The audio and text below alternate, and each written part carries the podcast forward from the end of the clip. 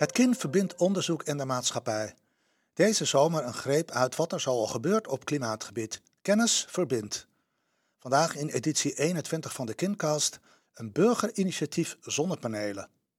Initiatiefnemer Ludo Ansems vertelt aan Helga van Leur over het succesvolle initiatief tijdens een energieweerbericht, waarin wordt verteld wanneer je die week het best gebruik kunt maken van beschikbare zon- en windenergie.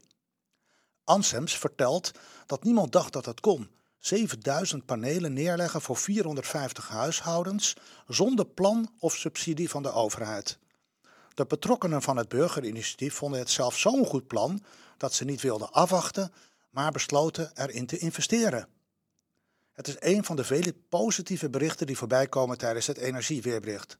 Dat was oorspronkelijk een initiatief van de Nederlandse Vereniging voor Duurzame Energie, maar is sinds kort te bekijken via Weerplaza en Weer Online.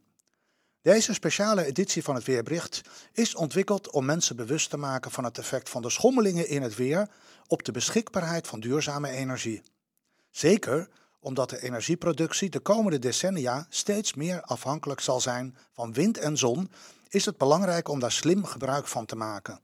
Er hoeven dan minder fossiele brandstoffen gebruikt te worden, wat CO2-uitstoot vermindert en de opwarming van het klimaat afremt. Ook netbeheerders roepen om die reden deze zomer mensen op om de wasmachine aan te zetten als de zon schijnt. Niet alleen degene met zonnepanelen op hun dak, maar nadrukkelijk ook mensen zonder panelen. Zo voorkom je dat zonnestroom die bij anderen is opgewekt op piekmomenten verloren gaat. Demissionair minister Rob Jetten van Klimaat is dan ook positief over de oproep van de netbeheerders. Zeker omdat Nederland wereldwijd koploper is met het aantal zonnepanelen. De minister wil onder andere slimme apparaten gaan subsidiëren die bijvoorbeeld pas aangaan op het moment dat er veel goedkope zonnestroom beschikbaar is.